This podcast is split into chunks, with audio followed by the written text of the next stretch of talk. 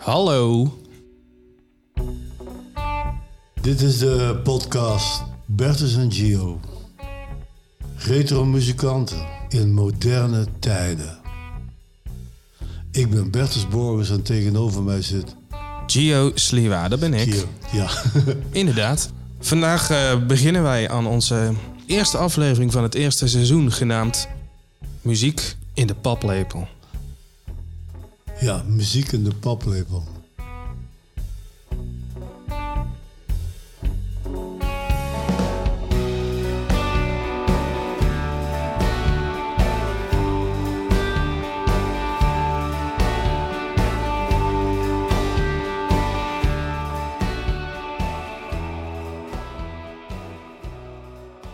We kwamen op deze titel naar aanleiding van het prachtige Nederlandse spreekwoord: Het werd hem met de paplepel ingegoten. En wij vroegen ons af: welke muziek heeft in de paplepel gezeten toen wij zeg maar nog in de luiers rondliepen? Ik kan je wel vertellen dat bijvoorbeeld in 1952, toen was ik vijf jaar oud. En toen woonde ik in Vessem, een klein dorpje in de Kempen, waar slechts één verharde weg doorheen liep. En ik speelde altijd in zand. En in huis was alleen de trompet van mijn pa en een radio op batterijen. Maar dat zat waarschijnlijk bij jou heel anders, hè, Gio. Ja, dat zag er bij mij in de jaren, wat was het? 1991, toen ik werd geboren, zag het er wel anders uit, denk ik. We hadden wel batterijen al hoor, dat uh, wees me niet bang. Ja, dat Nee, maar inderdaad, het zag er bij mij heel anders uit. En even nog voor de duidelijkheid. Dit eh, seizoen heet dus Muziek in de Paplepel. Maar we gaan eh, de komende afleveringen gaan we het vooral erover hebben... in verschillende tijdsfases van ons leven... hoe muziek er toen uitzag. En ehm, dat vind ik wel een goed idee. Ja, want eh, ja, ik weet bijvoorbeeld wel dat mijn pa was veel bezig met muziek. Want ik ben een beetje opgegroeid met muziek. Daarom werd ook wel eens over mij geschreven van... Muziek is hem in de paplepel gegoten. Ja, precies. Je hebt echt, je hebt echt een hele muzikale familie, toch? Ja, ja, dat klopt. Eh, mijn pa die speelde, mijn zo'n broers die speelden ook. eh, en er was ook een bandje, want mijn pa die leidde een bandje. Dat heette, heette De Duikroos. en die repeteerde in de bijkeuken. Bij jou Eh, thuis? ja, ja, inderdaad, ja. Toen jij nog aan, aan de Brinta zat. De printer was nog niet. God, Maizena. Aan de ma- maizena. en water. Nice. Ja, eh, ja, het waren hele a- arme tijden, joh. The good old times. En, eh? In Vessem. In Vessem. Ja, de bandje dat repeteerde dus bij mij in de bijkeuken, bij ons in de bijkeuken. En soms dan zong mijn moeder erbij, of mijn tantes, die zongen er soms bij. En mijn pa die speelde trompet, die was eigenlijk de lead. Ome Wim die speelde accordeon, ome Adriaan die drumde. En er was nog een vriend van hen, Gerrit Arends, die speelde saxofoon. En mijn belangstelling ging vooral uit naar het drumstel. Want dat vond ik het leukste. En het kwam ook bijvoorbeeld omdat een van de nummers die ze speelden, dat heette Wie is Loesje? Met dat leuke bloesje. Loesje is het meisje van de drummer van de band, van de Ramblers. En er zat een drumsolo in. Die, die drumsolo die probeerde ik na te spelen op, op de stoel. En was dat gelukt? En natuurlijk, Wauw. heb je dat nummer toevallig? Ik heb hem klaarstaan voor je. Zal ik hem opzetten? Ja, van de Ramblers. Dus Er was destijds een radioorkest, weet je wel. Destijds hadden elke radioomroep had zijn eigen orkest. Ken jij een van deze mensen ook die in de Remples zaten? Ik zelf niet, maar ik kan je wel vertellen dat mijn zoon... die is ooit Rodi geweest van de Ramblers... toen die dus weer bij elkaar kwamen. Toen waren het al mannen van rond de 80. Toen kwamen ze weer bij, als een reunie bij elkaar, deden een theatertour. En mijn zoon die was toen denk ik 25 of zo. En die heeft toen eh, ja, die mannen min of meer op het podium ook verzorgd. Hij deed het lichten en heeft die man ook verzorgd. En hij vertelde me dus dat er verschillende van die lui... die gingen in de pauze, bleven ze dus gewoon op het podium zitten... omdat eh, opstaan en naar de kantine lopen te veel was.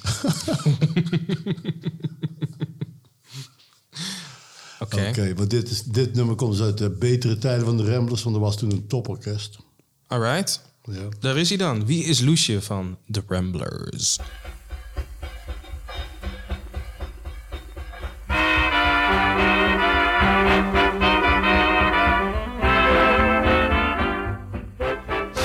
Oh, nu herken ik het, ja.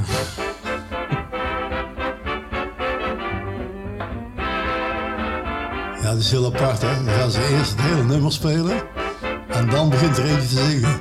Ja, dus de melodie is al weggegeven. Hier, heb je zijn break.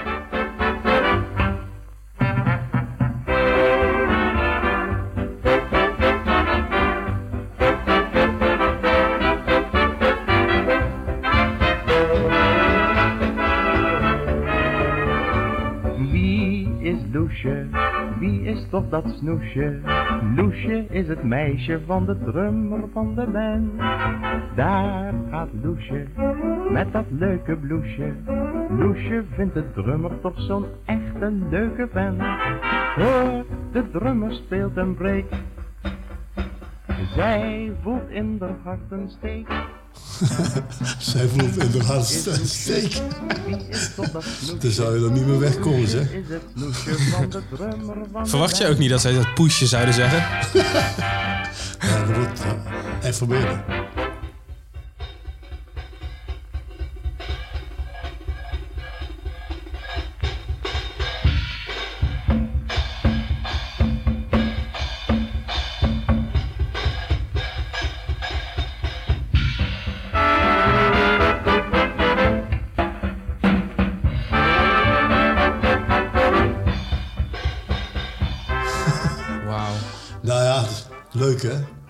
Vind het wel vet. Ik snap het wel. Maar in welk jaar... Uh, dus dit was dus uh, voordat jij vier of vijf was. Toen luisterde je... Toen hoorde jij dit in de, in de huiskamer. Ja, want deze versie die werd dus zeg maar gecoverd door het bandje van mijn pa. Want mijn pa die had dus de, die had de, de, mogelijkheid om dus... als je naar de radio luisterde dan greep hij snel iets om op te schrijven. Een blokje hout of een stuk papier, karton of zo. En dan schreef hij die noten die hij hoorde, schreef hij op in cijfervorm. Hè? Dus uh, hij, hij, dacht in een do, re, mi, fa, sol systeem. En dan de do was 1, re was 2 enzovoorts. En dan een puntje erboven was een octaaf hoger. En dan een streepje erbij was bijvoorbeeld een, uh, een kruis of een mol of zoiets. Hij had er een, nou ja. een, een, systeem voor. En dan uh, hoefde hij dus niet naar de stad te fietsen om bladmuziek te kopen van een nieuw nummer. Bijvoorbeeld, ze speelde ook uh, een versie van uh, Glenn Miller van uh, In the Mood. Dat was natuurlijk na de oorlog was dat een, echt een nummer wat uit Amerika kwam en wat hier de zaak volledig aan swingen bracht. Mm Weet je wel. En dan, dan, dan maakten ze er zelf een versie van met accordeon en drums en, en saxofoon en trompet. Dat is dus mijn eerste kennismaking met live muziek live muziek had jij gewoon al in de keuken. Dat was had ik in, in, de bijkeuken, ja. Maar ja, je moet ook nagaan. Ik ben opgegroeid in het akoestisch tijdperk en jij bent opgegroeid in het elektrisch tijdperk. Ja, precies. Nou, waar jij bijvoorbeeld opgegroeid bent met een hele muzikale familie, ben ik opgegroeid bij het muziekliefhebbers die vanaf de andere kant de muziek waarderen, zeg maar. Dat, is de luisteraars. De, eindgebruiker, ja, precies. Dus de eindgebruiker, de luisteraars. Maar mijn, um, bijvoorbeeld mijn grootoma, die had echt een enorme platenverzameling. Aha. En uh, nou, die was echt, echt muziekliefhebber, niet normaal. En ik kan me dat ook nog herinneren van vroeger. Van, ik, ik ben nog wel echt opgegroeid met inderdaad een ja, langspeelplaat, weet je wel. Of langspeelplaten en en platenspelers. Ik vond altijd magie. Gewoon dat je met zo'n ronde, enorme ronde schijf op een stoffig rond dek door het hout. En je legt er een naald op en dat ding gaat draaien. En dan komt er een, uh, ja, er komt muziek uh, uit. Of uit de boxen dan, laat ik het zo zeggen. Maar dus dat weet jij nog, dus dat je daar bij, bij, je oma deed. Zeker, ja. Ik had zelfs, uh, ik, ik zette altijd daar wel muziek op, ja. Of ik had op een gegeven moment heb ik zelf die platenspeler dan een tijdje gehad. Maar wat, wat voor muziek zette jij het liefst op dan? Daar? Ja, ik kan het me dus op die leeftijd niet echt meer herinneren wat ik opzette. Ik pakte gewoon de mooiste, gekleurde plaat, die met de mooiste hoes. En die, zet ik gewoon, en die zet ik op en die zet ik aan. Dat vond ik natuurlijk gewoon gaaf op die leeftijd. maar mijn, mijn allereerste herinnering aan muziek was eigenlijk niet eens aan een artiest. Dat was eigenlijk, ik had een speelgoedautootje. Zo'n autootje, zo'n uh, plastic autootje. Ik kon, ik kon, ik kon als baby kon ik niet echt slapen, kon ik nooit slapen. Dit hoorde ik altijd naar de hand van mijn moeder. En uh, s'nachts ging ik dan, werd ik dan in dat autootje gezet. Dan gingen we, dan gingen we toch maar naar de woonkamer. En uh, ze zetten me in, de, in dit autootje in de woonkamer van mijn opa en oma. Want mijn moeder en ik woonden toen nog bij mijn opa en oma. moeder was erg jong toen ze mij kreeg namelijk. En ik zette dus in het autootje. Ik heb iedereen natuurlijk onwijs van zijn nachtrust. Heb ik, eh, iedereen zijn nachtrust heb ik, heb ik van ontnomen. En, eh, en er zat altijd één knop op. En die knop vond ik de allerinteressantste knop die er was. Want dat stuur kon me, kon, dat boeide me helemaal niks, weet je wel. Het boeide me ook helemaal niks dat ik in een auto zat. Boeide me gewoon dat knopje. ja, wat, Als ik op, als ik op dat knopje ja. drukte, Ja. dan ging er een melodietje afspelen. Ik zal hem eens even een klein beetje voorzingen hoe die gaat. Die doet Ja. altijd... Die doet...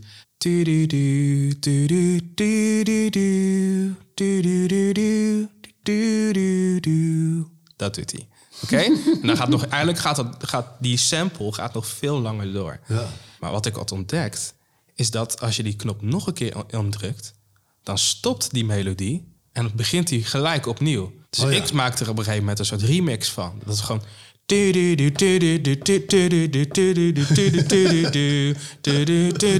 Weet je, de hele tijd dat. En mijn moeder werd natuurlijk helemaal gek daarvan. dus eh, ja, maar dat was mijn, eh, mijn eerste herinnering aan muziek. Maar dat was wel zo'n apparaat die op een batterij werkte natuurlijk. Die zat niet in een stopcontact. Nee, ja, met, met een batterij. Ja, maar goed, maar dat is een, eh, een elektrisch apparaatje. Ja, precies. Ja, want ja, ik, ik kijk, in mijn tijd, je had niet eens plastic, hè? er was geen plastic speelgoed. Ik had eh, houten autootjes, tractoren zelfs, die mijn opa had gesneden van hout gewoon. Maar eh, qua muziek en zo, wat ik al zeg, dat drumstel, man, daar was ik echt gek op. Gewoon op Dus dingen ik, kroop, slaan. ik kroop er dus ook achter, hè, als ik enigszins kon, weet je wel. Maar dan mocht je s'avonds mocht dat niet, want die mannen die eh, hadden gewoon eh, werk overdag. Mhm. En dan s'avonds dan eh, mocht ik nog even in mijn pyjama opblijven van mijn moeder. Totdat het, ze dus het genoeg vond en dan moest ik naar bed. En dan hoorde ik nog in mijn bed hoorde ik nog een beetje dus dat ge, ja, de plezier en zo en, en muziek, weet je wel. Dus je moet wel in slaap vallen met de muziek Dat op de was- achtergrond. ja. Maar dat lijkt me juist heel nice. Ja, heel vet. ja. Dus als eh oom Adriaan iets van het drumstel liet staan, Mhm. want er was eigenlijk een samenraapsel van de spulletjes van de tamboerkorps waar hij in zat. Mhm. Als je dan liet staan, dan ging ik natuurlijk de dag erop ging ik erachter zitten. en dan ging ik dus eh, spelen, drummen, weet je wel. Vooral die snare drum, hè. Ja. Dat heette toen slagtrom.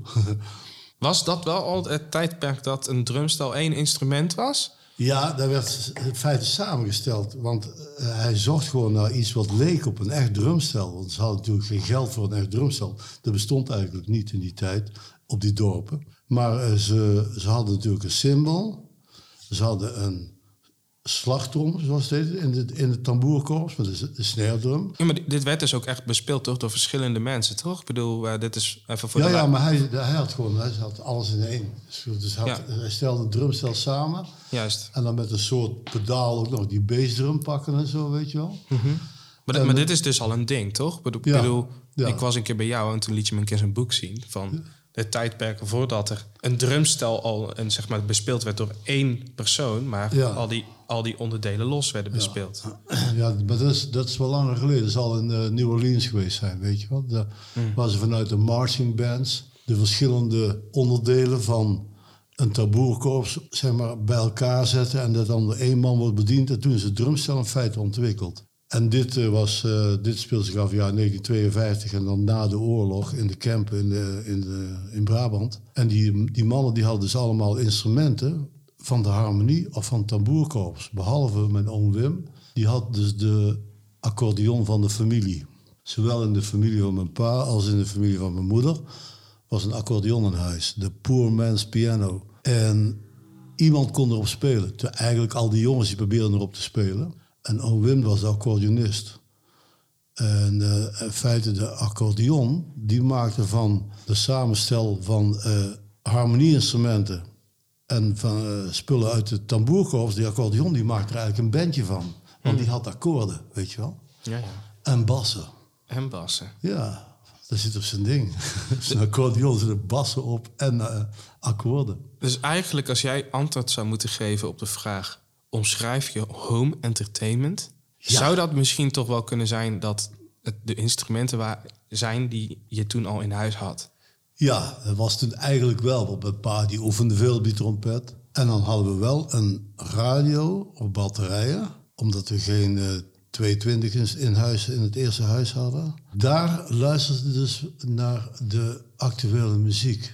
Weet je wel, en ik weet nog wel dat destijds was er een hele grote hit, waar ik zelf ook van onder de indruk was. En dat was van eh, een titelsong van een film, High Noon. En de titelsong wordt gezongen door Frankie Lane. Dat nummer heeft, ik denk, bijna een jaar op één gestaan, joh. Een jaar? Ja, nou, wel, wel, ik weet nog wel dat mijn pa op een gegeven moment tegen me zei van... Nou staat hij al 42 weken op één. Wat? Zo. Oké, nou, ik heb hem hier voor je klaar als je wilt. Zal ik hem eens opzetten? Geweldige song, ja. Alright, hier is High Noon van Frankie Lane.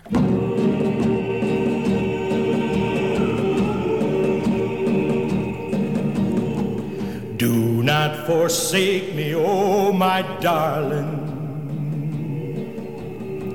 on this our wedding day. Do not forsake me, oh my darling. Wait, wait long. I do not know what fate. Misschien kunnen we nou ook wel meteen even zeggen, Gio, dat eh al onze liedjes die we spelen... en alle muziek die er wordt gespeeld in de podcast... dat die uiteindelijk terechtkomt in onze playlisten... zowel op eh, Spotify als op Apple Music. De playlist Bertus en Gio. Retro muzikanten in moderne tijden. Dat klopt. En dan spelen we de hele song af. In my grave. Is dan een vraag? Eh, ja, het, is- het klonk als een vraag, hè? Ja. Nee, dus dat spelen we hier niet af, helemaal. Maar in die, eh, op die playlisten wel, daar staan de hele songs op. Zeker. Dus eh, als je wil, volg hem. We zullen alle links ook in de show notes zetten. Ja, misschien dat we op de playlist ook eh, Glenn Miller met In The Mood kunnen zetten. Omdat het zo'n eh, populair nummer was toen. En ook wel een nummer wat toch wel een indruk op mij heeft gemaakt, zeg. Die staat er ook op. Ja, dat lekker. Zeker. Hartstikke goed. hey, trouwens, je had het net over dat je bij je oma LP's draaide, hè? Toen schoot me te binnen dat eh, ook een van mijn eerste confrontaties, eigenlijk, eigenlijk de eerste confrontatie met platen, die heb ik dus gehad tijdens een picknick. Mijn tantes, tante Emmy en tante Toos, die hadden de pick-up van de rijdansclub. En ik moet je vertellen dat rijdansen, dat lijkt een beetje op line dancing in Amerika, maar dat werd destijds op de dorpen gedaan door de jonge boerenstand. Dus de jongens die deden- Boerenstand? Boerenstand, ja. ja. Van de, dus de jongelui van de boeren. De meiden die deden dus rijdansen. Die hadden allemaal dezelfde uniform aan. En die deden dan met hoepels op een rijtje zo allerhande oefeningen. En die jongens die deden van het halve trapezewerk. Zo eh, piramides bouwen bij elkaar op de dingen staan en zo. Op de schouders klimmen. Wat later het circus werd.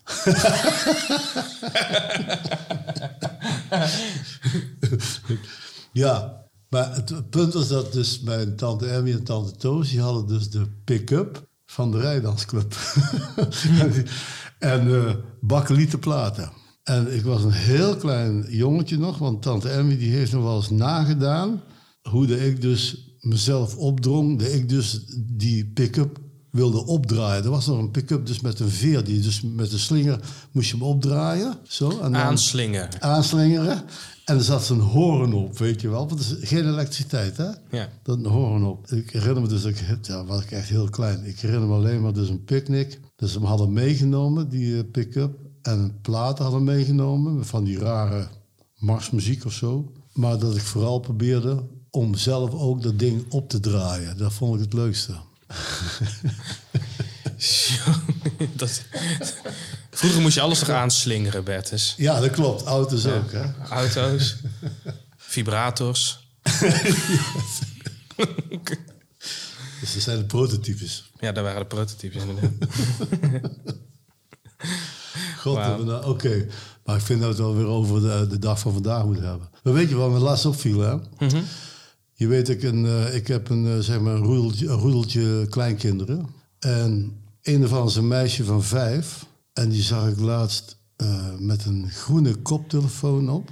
Had ze, op. Ze had dus een oude telefoon van de moeder gekregen. En er stond dus muziek op. En die zat dus met de koptelefoon zat ze dus eh Dua Lipa te zingen. Fonetisch. Zeer charmant. Ja, kan je nog herinneren wat ze zei? Ook? Of? Eh, dat nummer, Ja. welk nummer?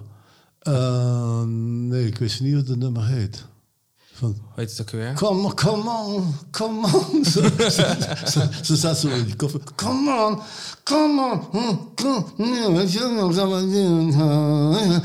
Come on. nou, en dat is dus het verschil, weet je wel. Ik bedoel, eh, die groeit dus op in het digitale tijdperk. En, en jij bent eh, opgegroeid in het elektrische tijdperk. En ik in, in het puur akoestisch tijdperk.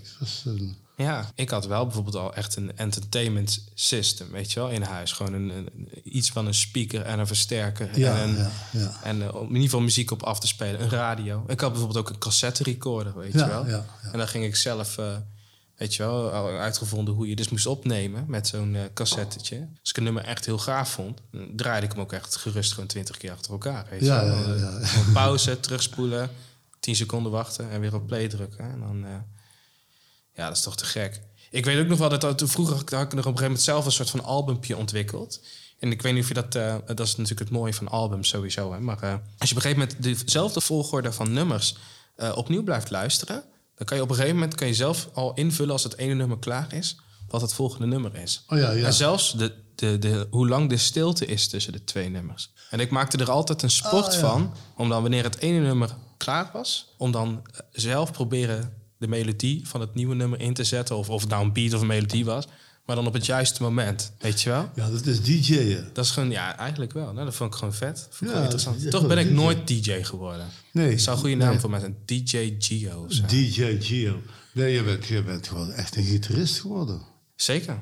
Maar dat komt bij mij pas veel later. hoor. Dat komt veel later. Hè, Maar ik kwam pas echt met. Ik kwam wel op de basisschool of mijn middelbare school. kon ik me nog wel herinneren dat ik bijvoorbeeld wel in aanraking ben gekomen met muziekinstrumenten. Maar dat stelde niks voor. Er was een blokfluit. Mijn oma had een blokfluit. Dat weet ik nog wel. Een blokfluit. En daar mocht ik ook, daar mocht ik, daar mocht ik ook wel echt op spelen. Ik moest ook, ik had er ook zo'n boekje bij. En ik, had, ik, kon, ik kon ook al wat noten spelen. Ik kon echt een, één zo'n.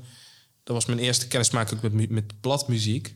Ik heb gewoon een, ik heb gewoon één van, of de, de eerste bladzijde dan kon ik gewoon spelen op het blokfluit toen.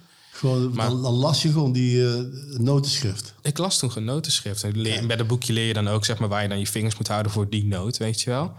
En daarna ging je gewoon een hele simpele vader Jacob of zoiets ging je spelen. En dat was gewoon, eh, dat was te gek. Dat vond ik wel lachen. Alleen het instrument, als ik daar nu naar terugkijk, klinkt gewoon echt onwijs lelijk. Ja, ik moet je vertellen dat... eh ja, blokfluit is altijd populair geweest, omdat het een goedkoop instrument is. Dus eh, als kinderen dan eh, muziek wilden leren spelen of theorie wilden leren, dan werden er altijd blokfluitjes uitgedeeld. Hè? Wat dus eh, heeft geleid tot een grote, ontzettend grote groep blok, blokfluitspelers.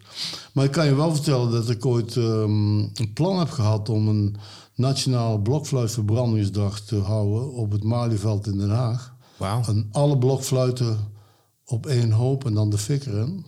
Nou, dat eh, zit wel diep in bij jou, eh, dit, hè? Ja, dat, maar dat, Maar jij kan toch blokfluit spelen, Bert? ik kan hartstikke goed blokfluit spelen, joh. Er is niks aan.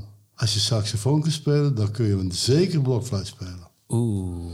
Ik de- denk, ik denk dat we boze mails gaan krijgen van alle professionele Weet je, blokfluit ik heb een blokfluit bij me. Wil je dat ik een stukje speel? Ja, als jij kan bewijzen dat jij blokfluit kan spelen. Want ik je vertellen dat ik dus vanavond ga ik naar de studio. En een vriend van mij, een zekere Dan Vis, hij is fameus, berucht en een beetje beroemd. Hij maakt in feite alleen maar ruige muziek, maar hij heeft mij gevraagd dat ik vanavond een stukje blokfluit wil komen spelen op een nieuwe opname van hem. Dus heb ik een plastic blokfluitje voor de dag gehaald, wat ik nog had liggen voor mijn kleinkinderen. Hè? En die je niet kan verbranden op Malieveld. Nee, want die stinken. Kijk, hout, houten blokfluitjes die branden lekker. Maar plastic blokfluitjes, en die klinken net zo goed, moet je erop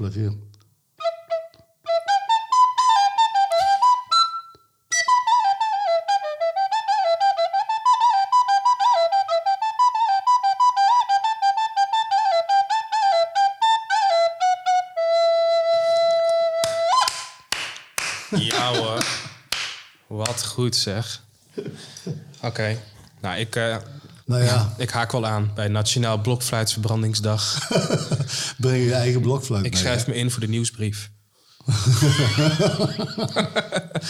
Ja, nieuwsbrief, die gaan we geen maken. We hebben nooit geen nieuws, weet je wel. Zeker. hey, mocht, eh, voor de luisteraars, mocht iemand eh, een behoorlijk boze mail willen sturen... of toevallig andere leuke vragen aan ons hebben... we hebben nu, sinds nu nu. net, een e-mailadres... waarop je eh, wat leuk zou vinden om zelfs een... eh, waar je een voice memo bericht op eh, zou kunnen mailen. Of gewoon een vraag mag ook, maar een voice memo kunnen we hier afspelen. Dat is natuurlijk veel leuker. Maar Ja. oké. En die heet bertusngio at gmail.com. Ik herhaal. bertusngio at gmail.com. Ja, alles wat je kwijt wil aan ons, kun je sturen via dat adres. En wie weet zullen wij het in de volgende aflevering het hierover gaan hebben. Ja, recepten mag ook. Recepten mag ook. Als je goede tips hebt, Ja, dat klopt. wat een goed idee. Maar we hadden nog meer op programma staan, hè? Is dat zo? Ja, zeker weten. Nou, ik kan jou wat vertellen, Robertus, als je wil. Ik bedoel, eh, het allereerste nummertje Ja? waar ik mij dus eh, aan verbonden heb. Dat was een nummertje waar, eh, dat, wat een heel bijzonder nummer voor mij is. Of je het nou mooi vindt of niet. Ik vind het zelf achteraf, het is misschien een beetje glad, maar ik vind het een mooi nummer. Maar dit is een nummertje voor mij en mijn moeder. Schijnbaar heb ik het door mijn moeder laten vertellen. Dit nummer kwam op. Dat was het eerste nummer wat ze had gehoord nadat ik was geboren. En dat vond ze zo toepasselijk bij mij. Ik dacht, dit ga ik met jullie delen. Zo, het is gewoon, eh, het is heel diep, heel, heel eh, persoonlijk. Ja, maar ik vind het wel mooi. Dus als een lied op een gegeven moment eh, meer betekenis krijgt, omdat het gewoon verbonden is met mensen, weet je wel. Precies. En dat nummer heet Everything I Do, I Do It For You. Kijk, Van Brian Adams. Brian Adams, yes.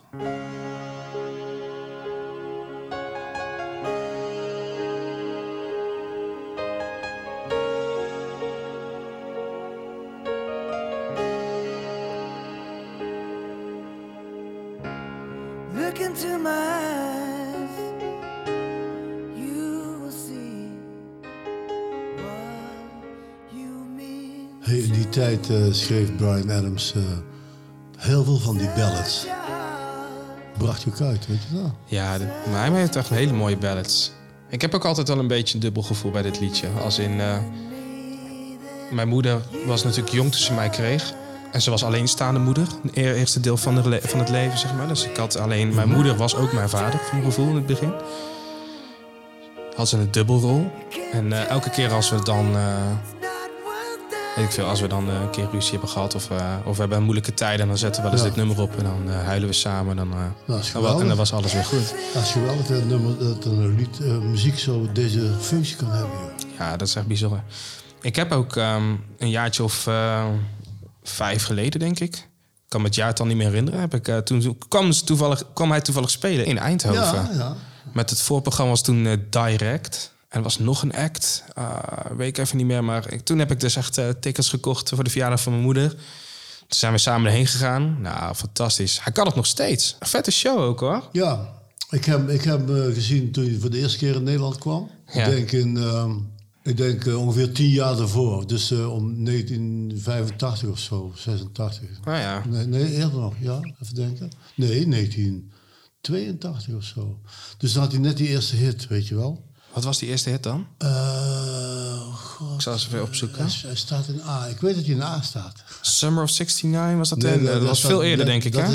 Is, dat, is hetzelfde album. Hetzelfde album als eh, Summer of 69. Oh, Oké. Maar de eerste hit, die hit heet... Het album heette Reckless. eh, ja, ja eh, Hier, ik heb ze hier voor me als je wil. nou ja, noem eens een titel. Uh, One Night After... One Night Love Affair. Het is een flink album dit hoor. She's only happy when she's dancing. Nee. Run to you. Run to Heaven. You, Run to You. Run to you. Ja, Oh ja. ja. Dat was een de hit. Ja, maar hij is echt een eh, waanzinnige, waanzinnige performer hoor. Vond ik een eh, Ja, super steady, echt. steady, eh, steady zanger ook live. Ja, ik ben natuurlijk muzikant, ik ben daar heel kritisch op altijd. Het is niet altijd een leuke eigenschap om te hebben, kan ik je vertellen. Maar ik weet nog ook wel, hij heeft natuurlijk het hele bekende nummer, hè, die met die, die featuring met die Melanie C, volgens mij is dat. Even kijken. When You're Gone. Ken je wel toch? Ja, En die maar baby hij heeft, when hij- heeft heel veel hits. Ook met uh, Tina Turner heeft hij een hit gehad. Oh ja, met Tina Turner. Nou, maar, maar volgens mij, bij die- bij- toen hij dit nummer aankondigde, When You're Gone... dus de, niet dit nummer, maar eh, dit nummer. Ik zal hem toch even aanzetten, gewoon het idee. Ik weet nog wel, dit intro bleef dan zo een loopje. En Ja. toen zei hij van, nou, oké, jullie weten, dit nummer... eh, die speel ik normaal met Melanie C. Maar dat hij natuurlijk in het Engels. Dus hier is het dan. Ah, nee, dat was, en toen kwam er niemand. Iedereen moet lachen natuurlijk in de scheur, want dat is natuurlijk stiekem een trucje die hij heel vaak uitvoert. Maar hij deed echt alsof ze opkwam. Zelfs met licht was erop ingespeeld. Weet je wel, zo'n zo'n enorm eh, Oh, ja, witte, ja, witte ja, ja, spotlight. Weet je, die al naar de hoek ging. Zo van, ah, echt alsof het gewoon ging gebeuren. Weet je, van hoe dan? Weet je wel? Maar goed. En, maar het eh, rare is, ik heb een keer een, eh, op YouTube ook een optreden van hem gezien samen met Pavarotti. En man, dan kan die eh, Brian Adams, die zingt dus echt. Hij heeft een hele heese stem, maar hij zingt fantastisch. Zo. Met Pavarotti, weet je. wel. Pavarotti. Pavarotti. ja. ja, dus eh, Brian Adams... Love it or hate it. Ik, ik, eh, Ja, nou- kom- ik, ik vind het waanzinnig, waanzinnige muzikant. Ja, maar ik vind het, kijk, als een nummer zeg maar, zo'n grote binding heeft, wat, wat jij nog hebt met je moeder en zo, met die, dan, dan verdwijnt zo'n nummer zeg maar, uit de bak van is het goed of is het slecht. Ik bedoel, dan is het gewoon geweldig. Maar dat, is, maar dat is muziek voor mij ook altijd zo geweest, Bert. Voor mij, ik heb altijd het gevoel dat muziek onthoud je doordat het een bijzonder. eh, het is meestal gekoppeld aan de fase van het leven waar je op dat moment in zit. Dit heb ik pas geleerd toen ik met jou, met, met jou ben gaan spelen. Ik heb zoveel mensen gezien eh, na de show die dan bij de merchtafel komen staan. En dan met zoveel passie en eh, kijken naar eh, en- aan jou willen vragen van oh, kan je dit nummer nog herinneren, weet je, dat je die speelde toen daar en daar. Met een goede reden ook, weet je wel. Misschien weet je dat natuurlijk zelf niet meer. Maar zij, die mensen die dat concert van jou hebben gezien in, weet ik veel, 1995, eh, in Hutje Mutje, Oezbekistan, geen idee, Verwegistan. Weet je wel, die hebben daar iets meegemaakt. Iets moois. En die zaten in een bepaalde Ja, feesten. ja. Die zaten misschien in een scheiding. Waren misschien samen. Waren, hebben net een eerste kindje gehad. Weet ik veel. Ja, en, eh, en die herinneren zich misschien jouw muziek aan die tijd. Ja, dat is zo. En dat waardeer ik ook. Oh, ja, in elk geval. Ik vind het geweldig dat dit mij overkomt. Ja. Zo. ja niet altijd hoor. Ik heb ook een keer gehad. Reed ik op de snelweg zonder eh, gordel. Dan werd ik aangehouden door een man met een ringbaard. Een eh, politieagent. En die, die zei van ja, eh, die keek eens naar mijn rijbewijs. En zei, oh, maar u bent Bertus Borgers. Ik zeg ja. Oh, maar ik heb mijn vrouw leren kennen bij een concert van, van uh, in Vaals. Geweldig. Wacht, ik ga even naar mijn collega. En eh, hij liep dus naar die politiewagen terug. Ik dacht van, ha, daar kom ik mooi mee weg, weet je wel. Dat is echt te gek, weet je wel. Dat komt helemaal goed. Hij komt terug, hij gaat naast me zitten, zit hij, zegt hij, hier is de bon.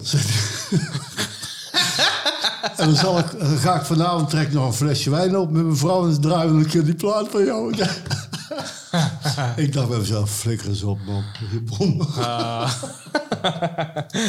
Hij is, goed. wel, hij is wel netjes gebleven. Ja, hij is wel netjes gebleven. Maar het inderdaad zo, ik, eh, ik zelf, ik vind het gewoon een geschenk dat het kan gebeuren, weet je wel. Dat je dus dingen doet, gewoon dat je ze leuk vindt om te doen en dat je het kunt en Mhm. dit en dat. En dat dan jaren later mensen nog steeds eh, dankbaar zijn. Dat is eh, daarvoor. Dat is toch, daarom, Dat is heb- daarom hebben wij toch een van de mooiste banen die er is. Daarom blijf je toch spelen. Daarom blijven we spelen. Dat is waarom we het doen. Ja, precies.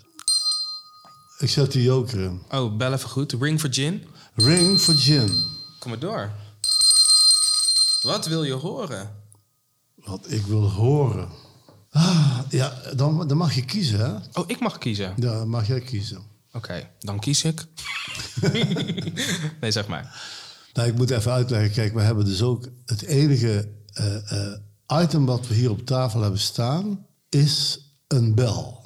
Een ring for gin bel. Deze bel, die mogen wij inzetten als joker. Dat wil zeggen dat we dan mogen we zeggen of laten doen wat we willen. En nou heb ik hem ingezet, de ring for gin, omdat ik wil dat Gio een nummer kiest. Oh, wauw. Oké, oké. Een ander nummer die, eh, die, eh, die, die, wat me, die wat voor mij heel veel betekent, bijvoorbeeld. Mhm, ja. Oké. Ja. Een van de wat eerdere nummers is die ik, mij, die ik mij kan kon herinneren, die ik heel erg mooi vond. Wegens de onwijs complexe melodie en toonsoort die ik niet gewend was in die tijd. Als in, ik was nog niet zo muzikaal toen ik zo jong was natuurlijk. Maar de hele sound en de vibe gaf mij een heel bijzonder gevoel. Dat is misschien de beste omschrijving die ik kan geven. Later bleek het dat het nummer volgens mij melodisch is of een bepaalde toon. Ik word steeds nieuwsgieriger. Oké, oké. Ik ga het gewoon zeggen. Ik ga het gewoon zeggen. Dit nummer is van, eh, van Seal. Ah, Seal. Seal. Ja. ja, die ken ik nog wel van die, eh, die prachtige eh, Vrouw. plaat.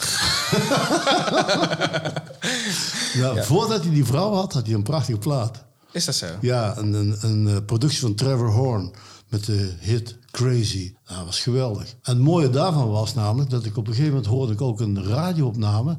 Dat Seal, die speelde dus die hele, het hele album, speelde hij met, gewoon met zijn eigen eh, akoestische gitaar begeleid. Hè? Ja? Dus al die songs. Die songs die waren nogal. Alle, Trevor Horn heeft er een hele rijke elektronische productie van gemaakt. nou goed. Nou wil ik Maar- eigenlijk, nu wil ik dat eigenlijk maar- wel horen. Ja, ja, crazy. Crazy van, Ja. van Seal. En dat was een van zijn eerste platen, is zeg jij. dus, ja, Dus dat zou dan van... dat is wel eh, die hit, dat is een single geweest. Zijn, zijn, oh, Die. Oké, Crazy. Oké, ik ga... Dit is het album, ja. Dit is Crazy van Seal.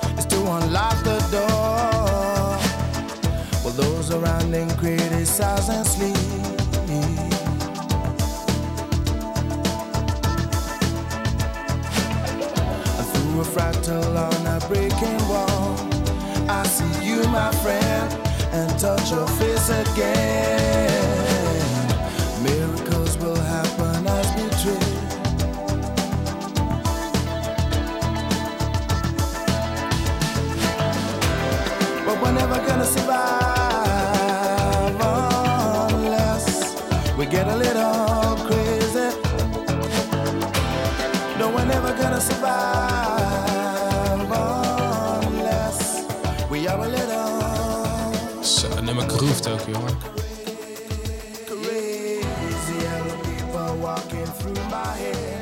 Een zanger, hè, dit, hè? Ja. Hé, maar nou wil ik eigenlijk wel het nummer horen van... Toen hij dan die mooie vrouw had. ja, ik weet niet of hij toen al dat mooie... vra- Nee, dat, Die mooie vrouw. dat- in deze, deze tijd had hij dat nog niet. Die kwam daarna, toen kwam die vrouw en toen kwamen er andere nummers. Toen kwamen nog meer mooie nummers. Zo. Ja, ja, ja. Oké, ik zal het dus omschrijven. Mhm. Het nummer ma- maakte bij mij gewoon in die tijd heel veel indruk, omdat ik sowieso heel veel muziek luisterde. Maar in de tijd dat ik... Ik was opgegroeid met ja, mijn, moeders muziek. En die kwam meer uit de jaren... Die luisterde meer jaren tachtig muziek eigenlijk. Mhm. hè? Gewoon eh, wat we nu zien als de jaren tachtig muziek, weet je wel. Denk aan eh, The Cure, Take That. eh, wa- wa- wat luisterden ze nog meer? The Mhm. Police, dat soort dingen. Ja. En, eh, en, en, en wat eigenlijk op dat moment in, in, in 19, eh, laten we zeggen, 1994, wat toen heel erg in was, was mi- misschien nog een beetje die house muziek, weet je wel. Ja. En daar had ik toen nog op die leeftijd eigenlijk helemaal niks mee. Ik zit dan wel in zo'n band, maar. maar nee, ik voelde daar toen niks bij al het gabberen en zo en al die kale mensen. En, nee. nee, dus dat is. eh, Toen dit nummer uitkwam in 1994, genoemd Kiss from a Rose. Nou, ik was, ik was verkocht. Oh ja. Ik was gewoon helemaal in, in trance van die melodie. En ehm, nou ja, eh, ik eh, kom niet meer aan mijn woorden, dus ik ga hem gewoon aanzetten. ik denk dat het het allerbeste is. When you can talk, you have to listen. Hier is hij, Kiss from a Rose van Seal.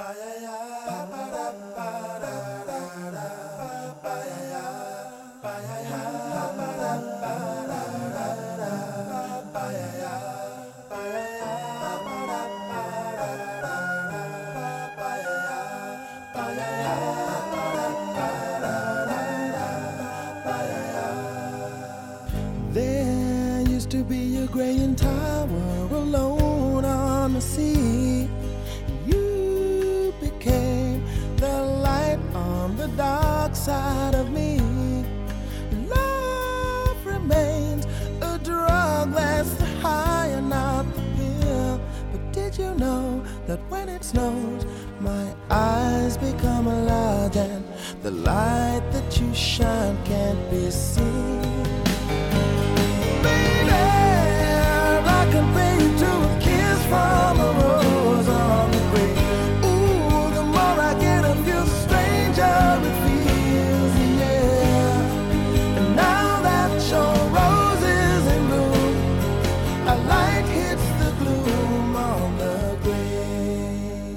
Wat voor mij nog steeds ook een mysterie blijft aan dit nummer is... wat is nou eigenlijk de time signature? Wat is de maatsoort? In normaal... De drie kwast.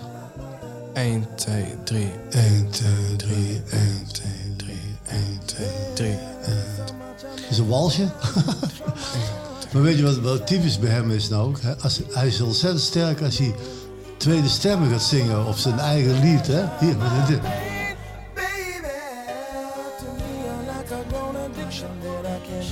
Hier wordt hij nou, Ja. die tweede stem. Ja. Dat, dat deed hij dus in, die, in, die, in het ouderwerk ook. Hè? Dat hij op een gegeven moment die tweede stem. Hier zit hij ook.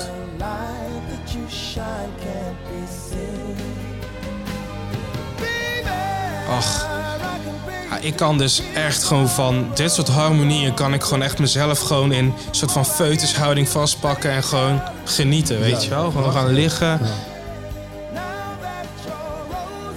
En ook heel die productie eromheen, hè? Met, oh, met dat... Alles klopt hier gewoon aan.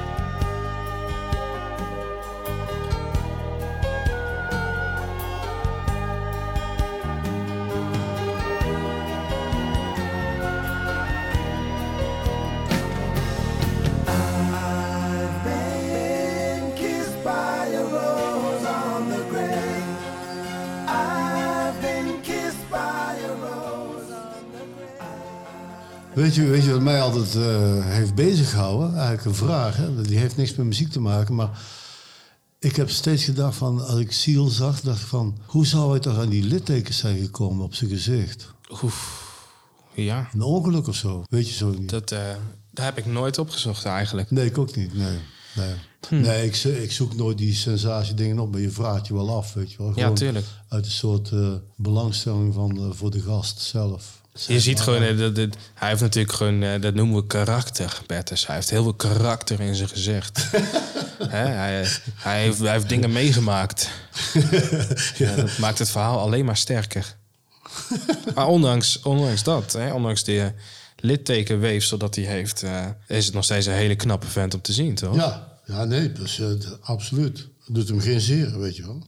Dat, en dat vind ik dus nog, nog meer kenmerkend zo. Iemand die dus gewoon daar volledig overheen leeft. Dat vind ik heel sterk. Ja. Hey, even toch maar even een, om dit eh, nog een beetje wat luchtiger te houden. Want dit is natuurlijk wel echt het nummer waar ik helemaal door. Wat ik echt heel mooi vond. Maar wat toen in, eh, rondom die tijd nog meer op de radio was. Vooral in Nederland. Ik heb hier even een mooi lijstje voor me. Eh, was in 1995, dus misschien een jaar later. Maar Het is een nacht van Guus Meeuwis. Oh ja. Ja.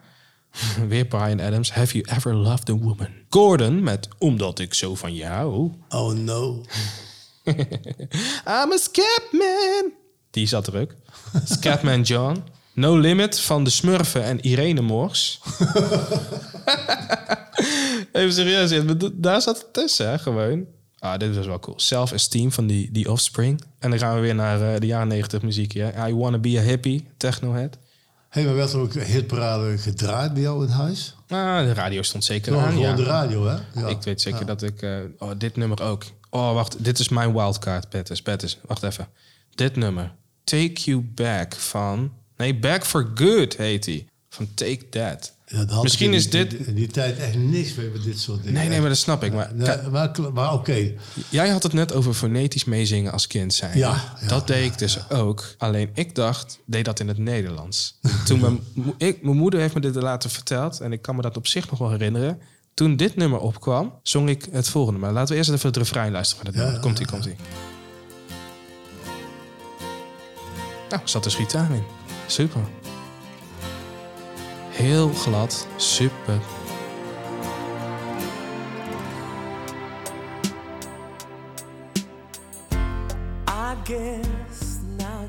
Oké, dus stel je voor, Gio is, eh, is vier jaar oud.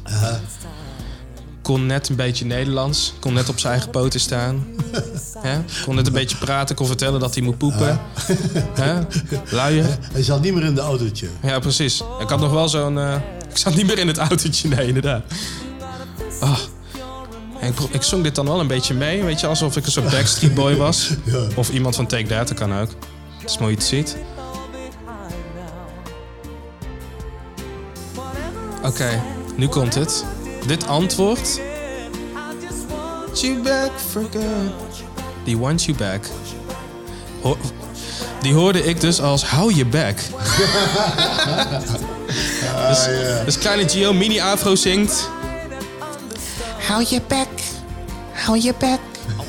Hou je bek, mijn youth. Zo. Oh, geweldig. Ik kwam er even tegen. Ik dacht, nou, dat moet ik vertellen. Oh, Ja, dat fonetisch zingen van kinderen, dat, is, eh, dat vind ik sterk, hè? ja, mooi hè? Ja, ik weet dat eh, mijn dochter destijds, Leslie, die heeft mij op het idee gebracht om eh, een cover te maken van Time After Time van Cindy Lauper. Mm, mooi nummer. Daar heb ik ooit een mooie opname van gemaakt met eh Tineke Schoenmaker, die zingt tweede stem. Serieus? Staat, staat waarschijnlijk wel op, op Spotify. Nee, je meen je. Ja, joh. Echt Oké, waar. oké, zeg maar nog een keer. Ja, Time After Time. Time after time. Eh, eh, eh, van Bertus Boris en de Groove. Staat het op Spotify? Misschien staat er wel niet op, joh. Dan moet ik het nog opzetten. Dat is namelijk een opname. Hmm, in ieder geval niet op Spotify. Niet? Staat er nog niet op, hè? Nee. Nou, die ga ik erop zetten. hey, weet je, ik heb ondertussen iets heel raars gevonden over eh, fonetisch zingen. Dat is wat ik, wat ik er eerder over had. Een kleindochter van mij, die dus Dua Lipa zingt. Mhm. Heb ik een filmpje van op mijn telefoon staan. hè. Ik zal een stukje luis- laten draaien, goed? Is het goed? Ja, is goed. Kijk.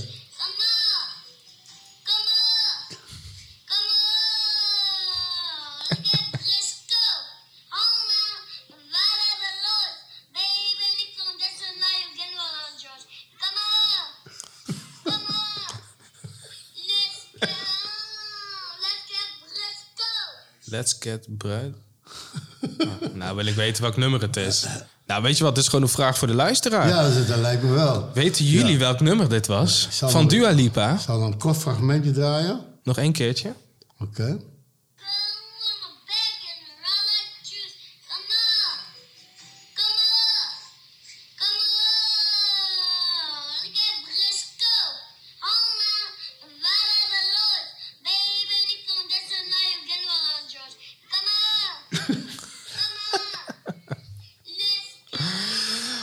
Alright, nou weet je, weten jullie welk nummer van Dua Lipa dit is? Stuur het ons naar bertusengio.gmail.com. En heb je nog andere vragen die je ons wilt stellen, eh, die je aan ons wilt vragen, die je kwijt wil? Wil je aan Bertus vragen welk nummer hij in Oezbekistan speelde in 1995? Precies. En wat, eh, wat jullie bijzondere moment daarbij was, laat het ons weten. En wij gaan erop misschien op reageren. Lijkt ons Ja. hartstikke tof om jullie meer te betrekken bij onze podcast. Ik denk dat wij hier lekker gaan afronden, Bertus. Ja, zeker. Want ik moet nog de was doen. Oh ja, te gek. En dan heb je nog geluk dat je niet hoeft te strijken. Precies, ik heb geen overhemden, joh. nee, man, dat zit helemaal niet. Je draagt alleen kaftans. Ja, precies. Ik draag allemaal van die kleding waar, waar, de, waar, de, waar de kreukels in horen. Ja, precies. Zeg ik altijd zo. Ja, dat hoort zo. Want er gaten en kreukels in horen. Dat is praktische kleding is dat gewoon. Precies. Dat vind ik ook. Waar gaan wij het de volgende keer over Nou, hebben? de volgende week gaan we het hebben over eh, wat we meemaakten met muziek, zeg maar. ehm, voor, tussen dat je kleinkind bent en totdat je, zeg maar, een, vindt dat je bijna een groot mens bent. Precies. Ja. Dus muziek in de wandelgangen van school. Right. Dat is een heel aparte belevenis geweest. Ik ben heel benieuwd. We gaan het erover hebben. Oké, ik hoop dat iedereen weer eens eh, geluk heeft deze week. En volgende week. En de week daarna, En de week erna. En een beetje aardig zijn voor elkaar. Please. pak een lekker drankje. Pak, Doe een, dat. pak een lekker zonnetje. Ja. We missen jullie nu al. ja, inderdaad. Dat kijk. Dat was het dan. Heb je die klappen nog op het einde, Chio? Ik heb, ik heb heel veel klappen. Komt-ie.